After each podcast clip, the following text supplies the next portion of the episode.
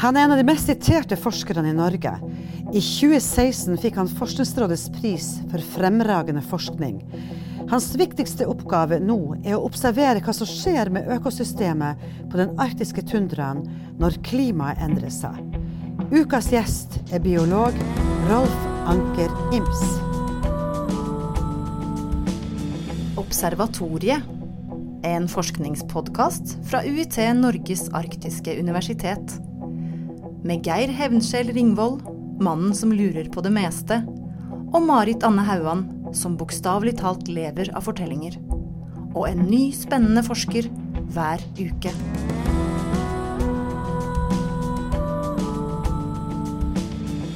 I dag skal vi altså holde oss på landejorda, på Terra. Vi skal snakke med en terrestiker. Det er altså Rolf Anker Ims, professor ved Universitetet i Tromsø. Velkommen. Økolog. Kom til Tromsø i 2001, har vært der siden. Og han har uh, forska på endringene i landskapet gjennom mange forskjellige vinkler. Det økologiske systemet i Arktis siden han kom hit. I dag så eh, snakker vi om Rolf Anker Ims som en av de mest siterte forskerne i Norge. I 2016 så fikk du Forskningsrådet sin pris for fremragende forskning. Og nå leder du et uh, klesfirma som heter Coat. Ja, ikke helt, da, men det er jo samme navnet. ja. Det er en forkortelse. Ja. Men det er Coat, sier vi det, så høres litt bedre ut på norsk. Og, Coat, og hva, hva er Coat? COAT er en forkortelse, da. Ja. Som mye i vitenskapen på klimaøkologisk observasjonssystem for Arktis tundra. Ja, og det blir COAT fordi det er på engelsk Climate Ecology Ja. Observatory Ja. of Arctic Tundra. Yeah, Ja. right. Du har begrepet observatorie i det, og nå heter jo vår podkast Observatoriet. Hva er et observatorie når det gjelder arktisk tundra? Ja, Observatoriet det betyr, har jo noe med å observere å gjøre. Og observasjon er jo helt sentralt i vitenskap generelt sett. Men jeg tror særlig i sammenheng med klimaendringer så er det å observere hva som skjer på en presis og systematisk måte kanskje den beste måten å drive klimaeffektvitenskap eh, på. Uten observasjoner så vet vi ingenting. Hva dere observerer i COAT? Ja, Vi har store ambisjoner. da. Vi skal observere hele økosystemet med stort og smått. Alt fra ting som foregår i bakken, de små organismene i jorda, plantene, de som eter plantene, og rovdyrene. Hele systemet, hele næringskjedene. Hvordan de er satt sammen, og hvordan de reagerer på disse klimaendringene som skjer nå, og de som kommer med full tyngde i framtida. Noe å starte der. Det er jo art. Virkelig art. Alt! Men altså, dere er da et helt stort gjeng med forskere og studenter, kanskje? Å ja, vi er mange. ja. Altså, vi er 20-30 stykker, og vi skal drive dette observatoriet da, både på Svalbard og på fastlandet i Finnmark. Den delen av Finnmark som er Arktis, da. Eh, så Og det er mange- Varangerhalvøya. Det er Varangerhalvøya. Ja. Det er- vi har jo, biologene har jo eh, si, litt mer snevre definisjoner av Arktis enn det f.eks. man har politisk. Mm. Så det er, følger det som vi kaller bioklima. altså disse områdene nord for den uh, arktiske tregrensa. Mm. Det er det som definerer tundra. Og det, det har vi uh, på fastlandet i, i Finnmark, helt i nordøst. Og det er ganske få som egentlig vet at vi har et ordentlig Arktis der. Da. Eh, fordi man ofte tenker på Svalbard som det arktiske delen av, av Norge. Da. Det er ekte Arktis. Men det er et ekte Arktis i Finnmark også. Ja. Det er jo et tips til eh, folk med arachnofobi. Ja. Eh, at det ikke er edderkopper i eh, f.eks. Eh, Hammerfest, har jeg hørt. Jeg er ikke helt sikker på det. De kan ha vært in- invasive species, kanskje? Ja, nei, men jeg har sett edderkopper på Svalbard også. De er små og jeg skremmer ikke folk, stort sett. Nei, okay. ok. Nei, nei. Ja. Men uh, det er jo ikke Vi som har levd noen år, vi, vi vet jo at, uh, at det har vært en endring i innenfor biologi og økologiforskninga at klimaendringene kom på et tidspunkt som en sterk bestemmende kraft i hvordan man forsker. Ja. Stemmer det? Det stemmer. Eh, Og jeg, eh, jeg begynte å bli sånn, såpass opp i årene at jeg var jo student tidlig på 80-tallet. Og da tok jeg et kurs i miljøkjemi. Og da var det en professor, eh, Seip, som fortalte meg første gang jeg hørte om klimaendringen og drivhuseffekten, at dette var noe som kom med full tyngde. Han var en, en foregangsperson på den type klimaforskning. Men så, ja, det var en del av pensum som egentlig gikk i min glemmebok til et stykke ut på 90-tallet, eh, hvor jeg begynte forskning på Svalbard.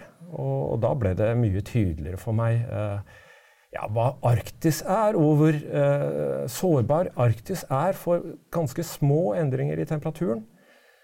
Og så ble jo eh, disse klimascenarioene som klimaforskerne laget, de ble jo verre og verre, egentlig. Altså når man eh, begynte å få disse modellene som kunne framskrive utviklingen litt fram i tid.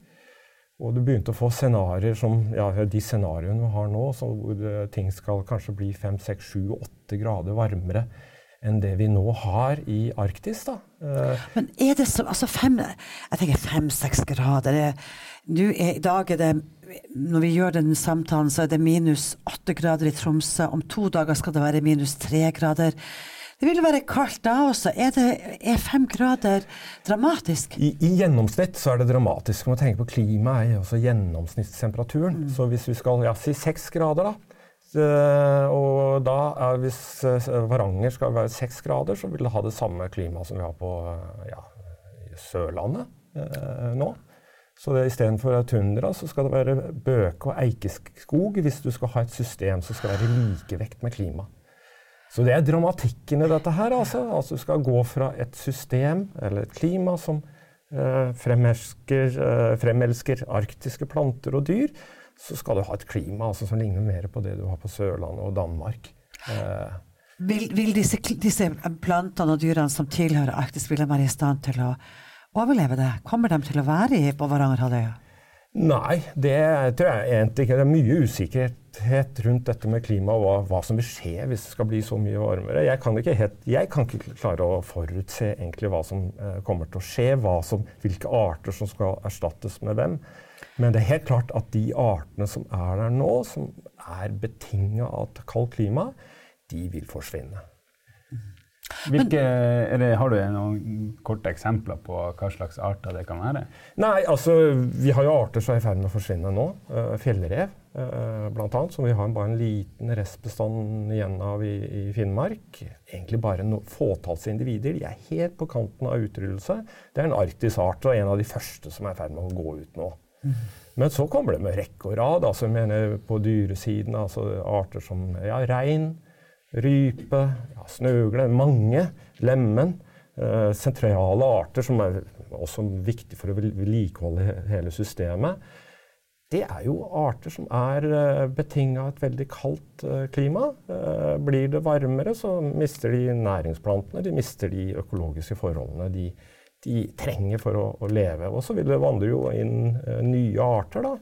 Hvor fort det vil skje, er, er jo også en stor usikkerhet. Men det som typisk skjer når du får nye sørlige arter inn, er at de trenger, fortrenger disse arktiske artene. Disse arktiske artene er noen ordentlige råtasser i det å håndtere et uh, kaldt klima. Men de er konkurransesvake i forhold til uh, mange andre arter.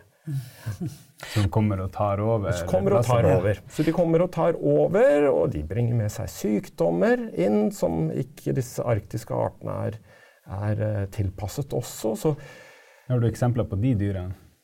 Ja, altså eh, Det diskuteres jo altså, hvilke virus og hvilke parasitter som kan komme med. Det er, også, det er jo et, en enorm flora av den type ting. Så det er, vi kan spekulere hva som vil komme. Det snakkes jo om at ja, man kan få malaria inn i sant, myggen i Finnmark. Kanskje det kommer før uh, myggen forsvinner. Den vil også antagelig Altså Den type nordlige mygg vi har nå, det er kanskje en god nyhet for noen. Jeg tror at, eh, at myggen forsvinner, men det vil erstattes av andre ting. Eh, og Men rein, altså du kan si, hvis vi, Du nevnte rein. Hvis, vi, hvis reinen ikke har overlevelsesforhold i Finnmark og Troms, Nordland, så vil jo en hel kultur, reindriftskulturen, en hel næring, forsvinne. Ja, og jeg, jeg, har, jeg, har, mange interessante samtaler med reindriftsutøvere, og særlig en yngre generasjon. Jeg tror det er, ja, det er både de eldre også, alle er bekymret for dette her. Mm. Men særlig de unge som ja, skal drive med dette her i flere tiår framover, de kommer til å få disse nye klimaendringene midt i fleisen. altså. Mm. Så de er bekymret. Og både for ja, uh, kulturen, som du sier, den vil jo altså, Det er jo allerede problemet med beiter som gjør at man sant, må i større grad fòre rein og sånt. Så det skjer jo allerede noe med kulturen nå. Men uh, men hvorvidt denne kulturen kan overleve, eh, altså de nye klimaendringene, det er jo usikkert, men kanskje sikkert ikke. Mm. Jeg må bare si jeg, jeg, skjønner godt at du er en av de mest siterte forskerne eh, i hele landet. For det føles litt sånn ut som at annenhver setning du sier, er en avisoverskrift som burde, vi burde virkelig eh, ta på alvor. Men eh, en ting jeg lurer på, det er um, Jeg, jeg, jeg syns jeg hører det sånn når at det, det er liksom den varmen eh, vi opplever nå så her varmt har det ikke vært på 100 år. Eh, og da tenkte jeg liksom Hei, vent litt. Liksom, så det vil si at det, det var lignende klima for bare liksom, 100 år siden? Nei, for, for 100 år siden så var det mye kaldere. Men det, det, det, du har et riktig poeng. at altså, Hvis vi ser på jordas tidsalder, så har jo det skjedd, vært så dramatikk i ja. klimaet. Eh, som eh, Det finnes jo lignende brå endringer eh, opp gjennom jordas historie. Det er mange millioner tilbake, altså, hvis vi skal snakke om noe lignende, som er forårsaka av naturlige fenomener. Alt fra vulkanutbrudd og andre ting som har gjort at det har fått kraftige skifter i klimaet. Men det har jo vært katastrofer i klimas historie, eller jordas historie, dette her, med masseutøvelse av, av dyrearter. Og tross alt i et system også, et jordsystem som ikke var pressa av mennesker. Før eh, menneskets tid, ja. ja. Så nå er ikke sant, det er jo man snakker jo om disse, disse, store miljøendringene som tsunamier nå. altså Klimaendringene kommer. Vi har en jord uh, som er overutnytta og overbefolka. Du har mer forurensninger. Så disse tingene som kommer også samtidig, gir jo liksom gru, ja, muligheter for fæle synergier også, som, som også vil ramme oss sjøl. Altså, vi er jo i ytterste konsekvens kanskje de som er noen av de mest sårbare, tross alt. da. Eh, selv om vi har altså, sivilisasjoner og kulturer som viser fleksibilitet osv. Men, men klimaendringene vil i ytterste konsekvens ramme oss. Altså. Er, eh, Hvorfor er vi mest sårbare? Nei, altså vi eh, bare tenker på en kultur vi, og en sivilisasjon vi har nå, som gjør at vi er, eh, vi er, avhengig av sant, næringsressurser, mat. Mm. Mm. Maten vi eh, fremdeles produserer, det er jo i økosystem. Enten om det er agrosystemer, altså kulturelle økosystemer, mm. eller om det er ville økosystemer. Og disse systemene de er jo klimaavhengige. Så, så, vi er en del av en næringskjede som er påvirka og vil påvirkes sterkt av klimaendringene. Det er ingen tvil om at det er mange negative konsekvenser av økt temperatur. Men hva slags muligheter med et positivt fortegn, hvis det er noen, er det? Ja, altså Det kommer jo an på uh, hva disse artene og disse økosystemene kommer til å bli erstattet med. Uh, og det kan hende at det blir noe positivt i det, men jeg, jeg har vanskelig for å se eller forutsi faktisk hva som kommer med positivt fortegn. Det kommer helt klart nye arter, nye planter som kan utnyttes, gi muligheter for uh, nytt type jordbruk. men i forhold til disse naturlige systemene som kommer til å bli påvirket av disse Eh, klimaendringene, så vil det framstå som veldig forstyrrelser. Altså. Så det er først og fremst forstyrra systemer vi vil komme til å se i tiårene framover, med ukjente egenskaper og ting i ulike vekt og ustabilitet. Altså, Sånn så som jeg kjenner det som kulturforsker, som ikke kan dette her, mm. det er jo at vi mista dinosaurene pga. en sånn katastrofe. ikke sant? Så det er jo veldig lett for oss andre å, å kjenne igjen at at det skjedde. Men det er så stort, dette med katastrofe. Det er litt så vanskelig å ta inn over seg. og Og mange av oss vi blir jo litt trøtt av denne klimadebatten og denne trusselen, på en måte. Det er global varming, det er havforsuring, det er klimaendring, ikke sant. Så det blir deiligere å ikke tenke på det. Ja, det blir deiligere å ikke tenke på det. Men du har jo forska på noen dyr. Lemen er vel smågnagere er vel dine spesialiteter, er det ikke det? Ja, det er noen av de artigste dyrene. Er det? Ja. ja.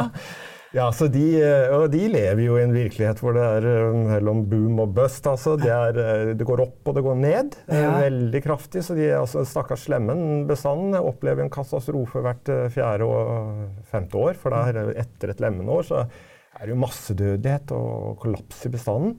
Er det en naturlig svingning? Det er en naturlig svingning. Ja. ja. For all del, naturen er ikke stabil. Det er det. Er det. Men men det er en form for stabilitet, eller ustabilitet, som, som både Lemmen og, og, disse nordlige områdene er tilpassa. Ja, faktisk for uh, tundraen så er de avhengig av at disse lemenårene kommer, fordi det har en gunstig effekt på vegetasjonen ved at de beiter den ned, gjødsler den. Mm. slik at man har jo forsøk som viste at tar du lemmen ut, så sykner tundravegetasjonen hen, eh, rett og slett. Så det, det er et naturlig fenomen med, med, en puls som er viktig for systemet. Det er den lille illsinte skapningen som mm. noen har, kanskje har sett, og som vi da ser ganske sjelden, men som er en veldig fantastisk liten, rødlig eh, gnag, smågnager. Den er det altså veldig mye folketro knytta til. For eksempel så sier man jo, sa man jo at når den kom i så store flokker, så droppa den ned fra himmelen, for det var der den ble laga. Liksom, liksom, det, var ikke laget, det var ikke paring, det, var, det kom fra himmelen. Og en av de um, I den samiske tradisjonen så het det jo at Stallo ikke ble dratt av rein, men av lemen. Ja. Og Stallo er jo en sånn natur, eller en supranormal skikkelse som er ganske ondsinna. Et sånt samisk troll. Det finner du bare i den samiske tradisjonen. Men i norsk folketro så mente man jo også at lemen tilhørte de underjordiske. Ja. Og det syns jeg er en ganske fantastisk ting. Og en av de søte sagnene er jo med en liten gutt som dreper en lemen. Ja. Og så får han ikke ro i det hele tatt. Og så eh, mora i fortvilelsen er med på setra, i fortvilelsen utpå natta så roper hun 'Hvem er det som har slått ondt på sønnen min? Hva er det som har skjedd?' Og da hører hun en stemme si 'Din sønn drap storoksen vårs. Og når han ber om tilgivelse, så får han ro. Så jeg vil jo si at denne bitte lille illsinte saken har også i folketrua blitt tilskrevet stor makt og stor betydning. Men hva sier den oss om klimaendring? Ja, det, det, Lemmen er jo nærmest en indikator på klimaendringene. Fordi den er veldig avhengig av disse kalde vintrene med godt snødekke og løs snø. Da lever de under snøen og graver i denne snøen. Disse vintrene som vi får mer og mer av nå, med ja, mildvær, vekslende temperaturer som gjør at det får is og skare, eh, helt ned i bunnen av snøpakken hvor disse dyrene skal leve, det gjør at eh, disse lemensyklene de uteblir. Mm. Så disse toppårene, disse eksplosjonene i antall, som er så viktig for hele systemet. Alle rovdyrene som lever av det. Alle plantene som trenger denne gressklippereffekten som lemen har, som gir grobunn for nytt liv, den uteblir. Mm. Og det øh, har også konsekvens for øh, Jeg snakket om fjellreven også, som, som er i ferd med å forsvinne i Finnmark. Det, et av elementene der er også det at lemenårene som den er så avhengig av for å produsere unger, for den er jo en sånn lemenspesialist. Det er det den lever av for en stor del. Det gjør at den ikke klarer å reprodusere seg, og da går det jo dårlig. Ja. Mm. Så det er et av disse nøkkeldyrene da, med en veldig artig økologi da, som mm. gir opphav til disse mytene du, du snakker om. ja. Men hvordan forsker du på det? Altså, går du ut i fjellet, eller hva gjør, hvordan gjør ja, en økolog? Altså, det, den, den, den, gamle metoden å gjøre dette var å sette feller av forskjellige slag, da, som er, så hvor du kan følge, få en slags bestandsindeks. Men i dette nye programmet, dette overvåkningsprogrammet som vi nå er, er på trappene KOAT, så har vi funnet utvikla en ny type fotofeller som står under snøen, og som registrerer aktiviteten til disse dyrene, samtidig som de også logger lokalklimatiske forhold osv. Så, videre. så det er en ny teknologi også som gjør at vi klarer å studere disse eh, disse dyrene og disse plantene det gjelder, også under snøen, som bringer ny innsikt. Ja, fantastisk. Det er jo disse her observatoriene de har satt ut på Varangerhalvøya. Jeg liker å bruke det Jeg liker det så Ja, godt. ja, det er masse ny Ja. teknologi. Ja. Det, er, altså, jeg, jeg, det er fantastisk, men eh, jeg, jeg syns det er litt eh, Hvis det medfører at vi ikke kommer oss ut på fjellet og ser hva som skjer, det, det vil være en dårlig utvikling. Vi trenger fremdeles å være til stede. Altså, det, det som motiverer meg også mye, å være og se ting. Har du sett et uh, lemen bli så sint at det har sprukket noen gang? Nei. Men det er jo en av mytene. da, altså At, eh, at eh, folk ser disse eh, lemen som både er sinte, og så finner de død lemen som har hele buken åpen. Og da er det jo lett å tolke at ja, her er det en som er faktisk sprukket av sinne. Men det er jo stort sett at det er rovdyr som, eller kråkefugl eller andre rovdyr som dreper lemmene i hopetall og bare spiser godbitene. Altså Ah, hjerte og lever og nyre og disse indre organene som er mye Plukker de bare ut innmaten? Når det er mange av det, så er det, er det bare omtrent som Det blir omtrent som ulv i en saueflokk, ikke sant? Eh, som dreper for mange og bare spiser kanskje deler av, av dyrene. Han lille Rolf, når han var liten gutt og lekte med biler på gulvet hjemme og kanskje Lego og sånn, hvordan kom han til å, å ende som en eh, økolog med arktiske økosystemer som spesialitet? Hvor går veien? Ja, det er mye oppveksten. Jeg tror jeg var mye der jeg vokste opp med de foreldrene jeg hadde. Også vi vokste opp, Selv om jeg vokste opp i Oslo, og sånt, så var det mye grønt rundt. Så jeg var og tidlig fanga humler og gresshopper og sånt. Og det er faktisk jeg har gjort vitenskap på de dyrene som jeg drev og lekte med som små. Oi, det hø- høres ikke helt bra ut. Nei, så det går jo an med insekter. Da. Men så var jeg, altså, har jeg som sagt foreldre som var veldig naturinteressert, som tok meg ut. Altså. Jeg har en far som tok meg med på eh, rypejakt da jeg var seks år gammel. Og det er jo ikke, ikke rare karen, men det gjorde et sånt uslettelig uttrykk, eh, inntrykk på meg. Og det være med også da på jakt en serie med år, så så vi disse svingningene i rypebestanden. og det var Enkelte år var lemen på fjellet og sånt. Så jeg ble veldig fascinert av disse svingningene i disse nordlige dyr- og fuglebestandene, som jeg har gjort til et forskningsfelt uh, senere. Det kom veldig tidlig at jeg lurte på hvorfor det går så opp og ned uh, med antall. Det var det sånn at du, du faser deg inn på en utdanning som, uh, som lot deg få eh, mette det behovet? Ja, du kan si det. Uh, at jeg Det var en stund jeg trodde at det kanskje ikke gikk an å lage yrke av en, noe som var en hobby. Eh, for når jeg begynte å studere biologi og økologi, da, så var det jo var faktisk mye færre jobber på universitetene og i forvaltningen. Nå er det mange økologer som jobber i forvaltningen. Så det var en dårlig karrierevei. Da. Så jeg egentlig holdt jeg på å bli eh, kjemiker, for jeg drev med fysikalsk kjemi. For det er også sånn dynamiske systemer. Men så fant jeg ut ja, skal jeg stå med hvit frakk på en lab eh, resten av livet. Skal jeg eh, gjøre som jeg gjør nå, at jeg kan drive med både teori og samtidig komme meg ut og, og se disse tingene som jeg liker å se. Så, så det gjorde at jeg tok sjansen på å studere økologi, og det har jeg ikke angra et minutt på.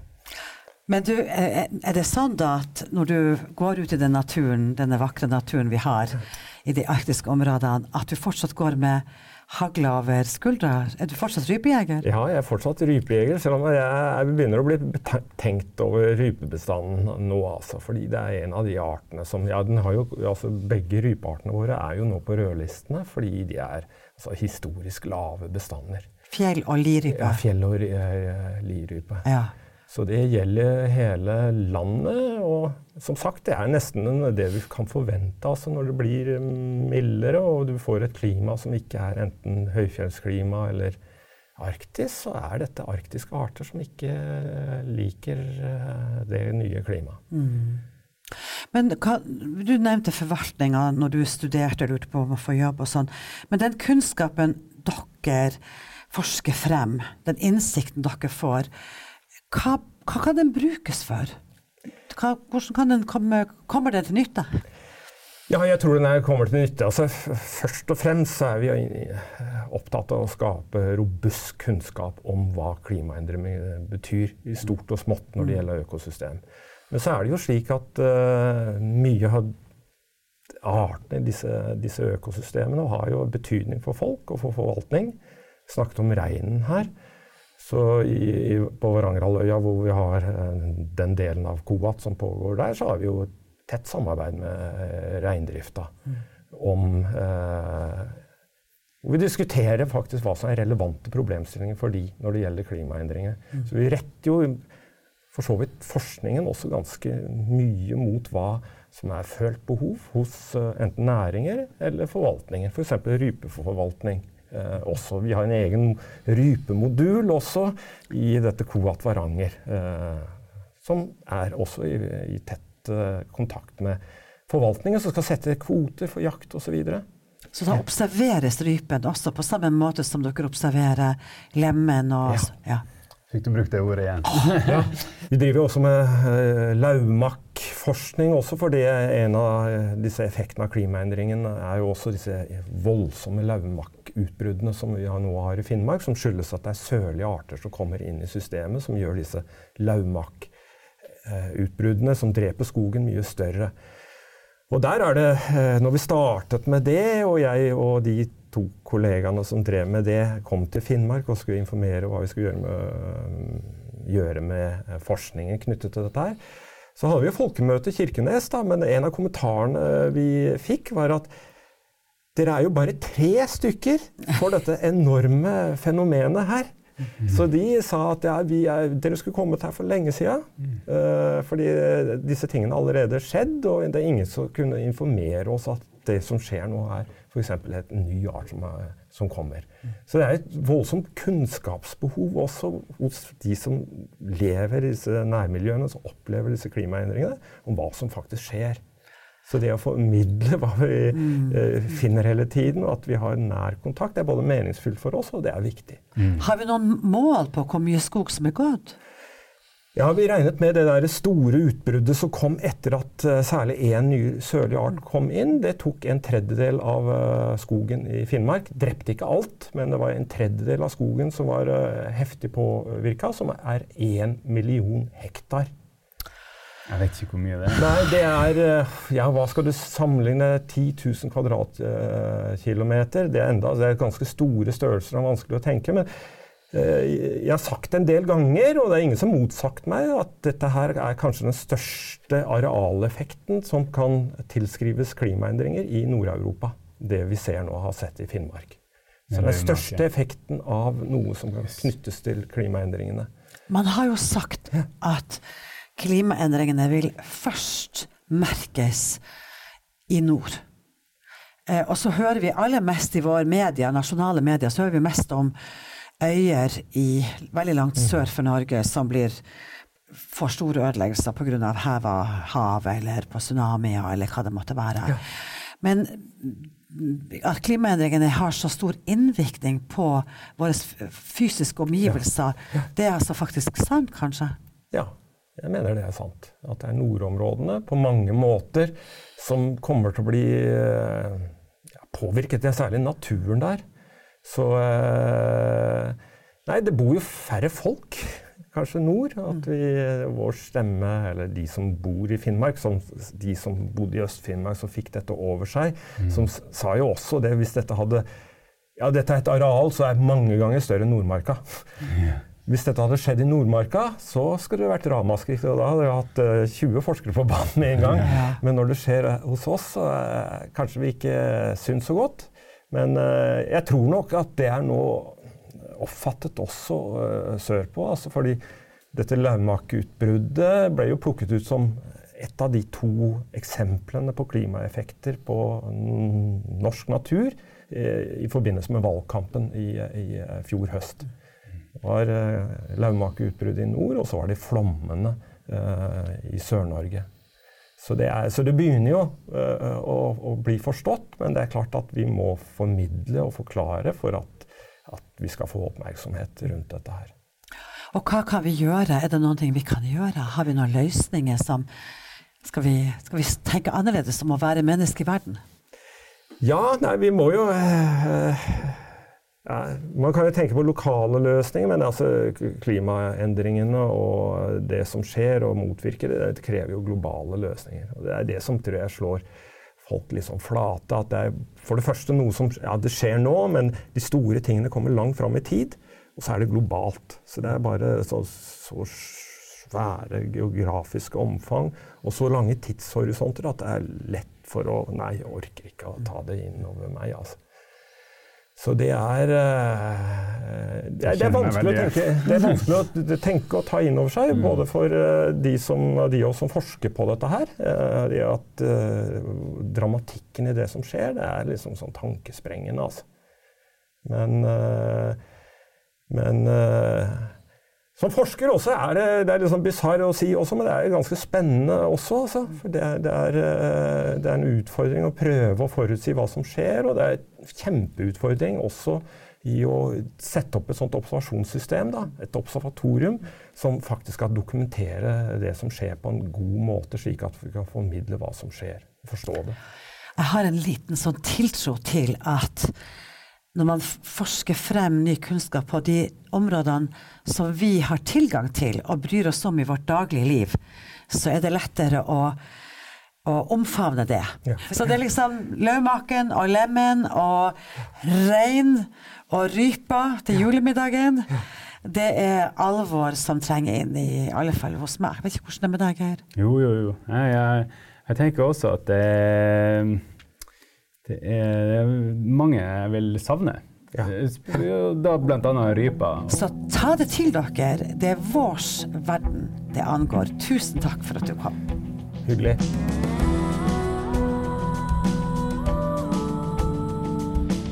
Tusen takk for at du var med oss i dag. Om du vil lese mer om forskninga til Rolf og andre forskere ved UiT Norges arktiske universitet, finner du det på jubileumssiden vår uit.no skråstrek 50. Abonner gjerne på Observatoriet på Soundcloud, iTunes eller enhver annen podkast-app der du møter en ny forsker hver uke. Lik oss gjerne også på Facebook på Observatoriet podkast, hvor vi deler alt fra kronikker til behind the scenes-materiale. Vi høres!